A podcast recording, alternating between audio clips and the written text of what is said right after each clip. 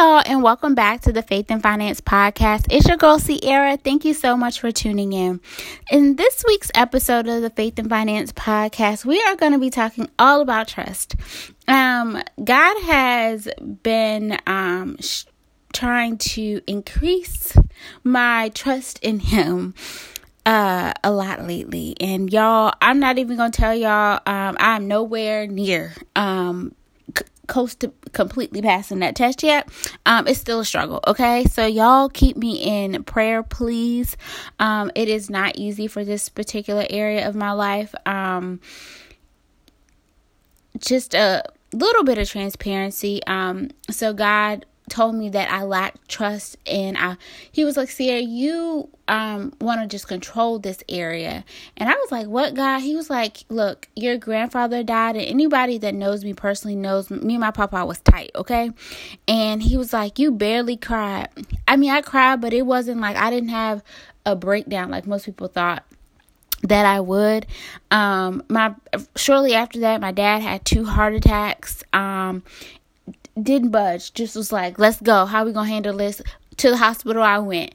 Um, even when my grandfather passed away, I was in charge of completely planning the entire funeral and immediately went into planning mode, mode like, let's get this situated, getting um get the funeral plan, finances in order, things paid for, my grandma's bills together, like boom, boom, boom, boom, boom, right? And he was like even things um you know at work that would happen he was like you still like moving about getting things done. He's like but this one particular area if something shifts or something doesn't go right it's like you fall apart. And he was like it's because you're depending on an external thing to fulfill you and that can't be so. He said your trust has to be in me all the time. And so for the last month, he's had me standing on Proverbs 3 5 through 6. And that scripture just says, Trust in the Lord with all of your heart and lean not into your own understanding, but in all your ways acknowledge him, and he will direct your path. And I would be lying if I said I have been doing that without like failure, okay? Because every test that God has presented me, I have not passed. I've been doing very well, but not every test. I have not passed every test. So, y'all, like I said, keep me in prayer, but I'm standing on that scripture, and eventually it'll get easier, and I'll pass the test, and it won't be something I struggle with, but I'm just going through the process, right? So last week in my quiet time, God gave me um, the scripture Isaiah 49 23. And that scripture just says, Those who trust in me will never be put to shame. And I, y'all, like when I um, and having my quiet time or I write down a scripture sometimes, what I like to do is look up definitions for specific words within that scripture. So I looked up two definitions, one being trust and one being never. So when I looked up the definition for trust, it says a firm belief in the reliability, truth, ability, or strength of someone or something. After writing that down, I asked myself, I said, Sierra, do you have a firm belief um, in God?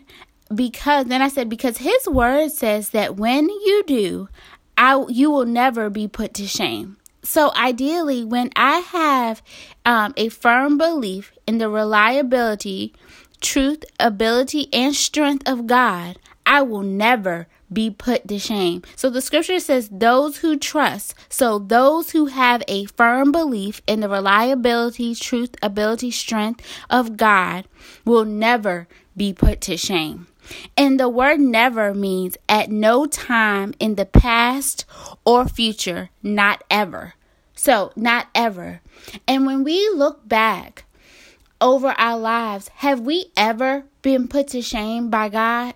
We might have hard times, rough seasons, but we always come out good. And that reminds me of Romans 8:28. It says all things work for our good for those who love the Lord, right? So if it's not good yet, that means God is not done. So we will never be put to shame. And if I'm reminded of the Israelites when they were going through the wilderness, y'all know I love the wilderness journey because I think when we're going through hard times, it's simply our wilderness season.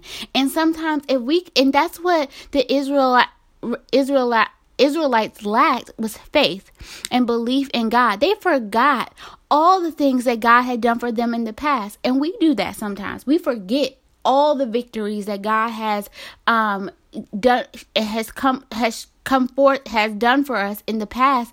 And so that's why sometimes we stay stuck in seasons or in situations um, that we really can move forth move forward out of. But it's because we forget that god was victorious in the past and they did the same thing. And it's like instead of focusing on what's in front of you, what's going on around you, and being like, how, when, where. Remember, sometimes we gotta look back at what God has done for us in the past, and that will help heighten our trust into in God. Be like, God, you did it before, so look, I know you're gonna do it again this time, and it will give us the confidence to take our eyes off of the situation and put them on God and continue to move forward. Another thing that I wanted to point out is in the scripture Proverbs 3 5 through 6, one version says, Trust in the Lord with all your heart and lean not on your own understanding or insight. And so then I had to look up the word insight. Because as soon as I saw it, I was like, what? I said, let me look up what insight means. And it says, do not lean on your um uh, on your own discernment, discernment or perception.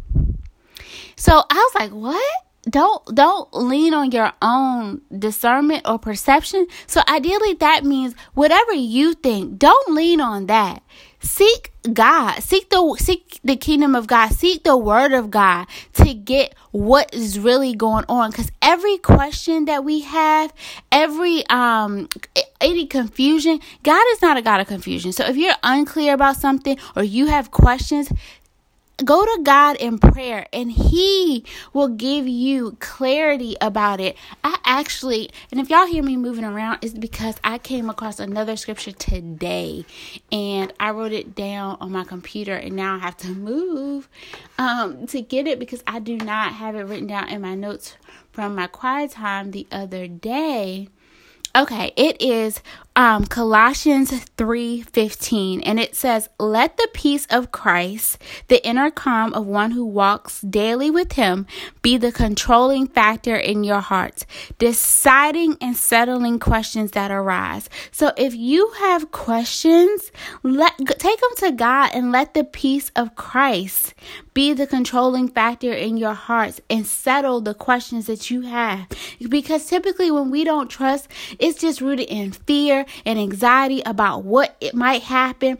And it's a lie from the enemy. If we take our thoughts captive, bring them into alignment with the word of God, and we put them on the word of God and start reciting some of God's word back to ourselves, then we will start to affirm ourselves and get gain confident uh, a confident hope in God. So I just want to encourage you guys to trust in the Lord. Maybe in this season you are going through um, maybe you've got reduced hours because of this whole pandemic.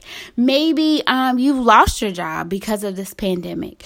Um, maybe you know you had all these just outlandish financial goals. And because of one of those two things you're not going to be able to accomplish them. Maybe you're just at home with your kids and you like look i'm tired okay? And i'm just not sure how this is all going to work out. Um whatever the situation is or maybe you were struggling before this whole pandemic and you're like look i don't know how i'm going to get through my financial situation. I don't have a savings. I need to decrease my debt. I have a bunch of whether it's credit card debt medical bills, student loan debt, and I'm struggling. Take it to the Lord in prayer and then be ready to be obedient. And y'all, it won't be easy. Y'all know my favorite scripture. I'm probably going to say it on every podcast, email, and everything else. But it's no discipline is enjoyable while it's happening. It is painful. But afterwards, you will reap a harvest of right living for those of us who are trained this way. Listen, when we have to discipline ourselves and be obedient to what God is calling us to do, if God is calling you to be a better steward in this season of your finances, if He's calling you to seek Him more, to increase your faith, to strengthen your faith in the Word of God, He's saying, Look, in this season while you're at home, get on your face and pray. Because that's one things He's been telling me pray more. You need to be on your face more. You need to be in your word more. If he's telling you that, discipline yourself and be obedient to what God is telling you to do. And his word tells us that on the other side of your discipline, there will be a harvest, but it doesn't mean that it won't be painful. We're looking for things to be easy. And it's not going to be easy. It's going to be painful because it's not something we're used to be doing, used to doing. That's why we are in most of the time the situations that we're in, we're in them because we created habits to put ourselves or we've made choices to get ourselves into some situations. But guess what? We can change those things. We have the we have the freedom of choice. Okay? And so when we choose to be obedient to God, He promises us that harvest is on the other side. He also promises that He has plans to prosper us, to give us a future, to give us a hope. That he works all things out for our good, that he can do exceedingly and abundantly above all that we can ask, all that we can think, and all that we can imagine. So anything, if you're wondering how you're going to build your savings, if you're gonna wondering how you're gonna pay down your debt, if you're gonna wonder how you're gonna send your kids to college, if you're gonna, if you're wondering how you're going to pay your mortgage or your bills this month, whatever your questions are, take them to the Lord in prayer. He will give you clarity and He is gonna give you provision for everything that you need and seek God Mm, Matthew 6:33 Seek ye first the kingdom of God. When you seek God, you seek his word. What does that mean? You're going to seek his word, you're going to read his word, you're going to um, go to him in prayer. You seek the kingdom of God and his righteousness, he promises to provide everything that you need. So if you're in need, guess where it's at? It's in the kingdom. It's in your seek. So get on your face, seek God. Have quiet time, quiet your mind and let God speak to you so that you can build your trust in him through standing on the word of your God uh, on the word of God. Remember guys, trust in the Lord with all your heart and lean not on your own understanding or insight, but in all your ways acknowledge Him. And guess what He'll do? He'll direct your path. And that path is to good.